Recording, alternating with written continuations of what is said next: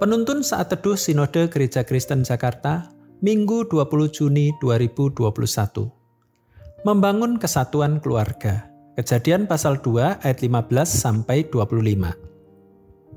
Tuhan Allah mengambil manusia itu dan menempatkannya dalam Taman Eden untuk mengusahakan dan memelihara taman itu. Lalu Tuhan Allah memberi perintah ini kepada manusia. Semua pohon dalam taman ini boleh kau makan buahnya dengan bebas, tetapi pohon pengetahuan tentang yang baik dan yang jahat itu janganlah kau makan buahnya, sebab pada hari engkau memakannya, pastilah engkau mati. Tuhan Allah berfirman, tidak baik kalau manusia itu seorang diri saja. Aku akan menjadikan penolong baginya yang sepadan dengan dia. Lalu Tuhan Allah membentuk dari tanah segala binatang hutan dan segala burung di udara Dibawanyalah semuanya kepada manusia itu untuk melihat bagaimana ia menamainya, dan seperti nama yang diberikan manusia itu kepada tiap-tiap makhluk yang hidup, demikianlah nanti nama makhluk itu.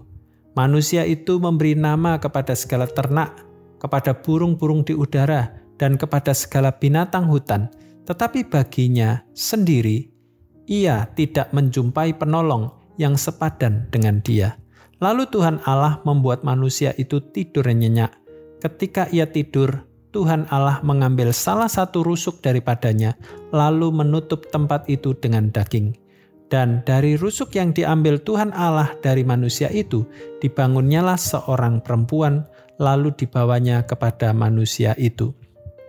Lalu berkatalah manusia itu, "Inilah dia, tulang dari tulangku dan daging dari dagingku." ia akan dinamai perempuan sebab ia diambil dari laki-laki.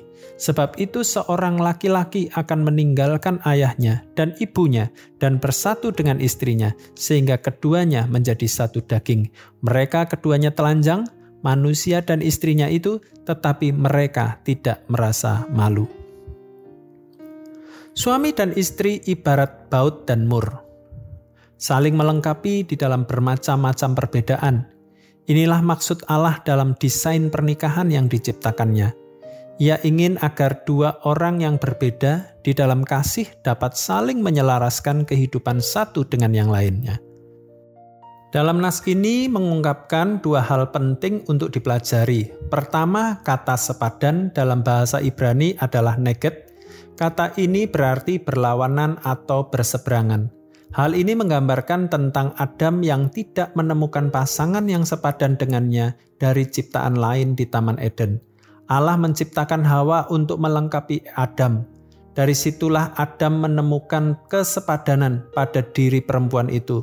Artinya, laki-laki dan perempuan adalah pribadi yang berlawanan, namun keduanya saling melengkapi. Kedua, satu daging. Artinya, pernikahan merupakan komitmen seumur hidup untuk setia dan bersatu dalam pernikahan melewati apa pun tantangan kehidupan.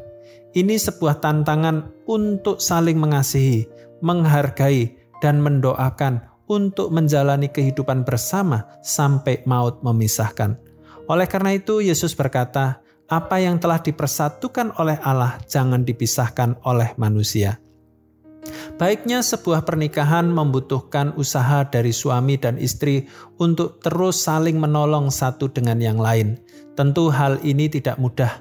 Suami dan istri perlu belajar untuk saling menerima kekurangan dan kelebihan, mengampuni dan diampuni, dan hidup saling melayani.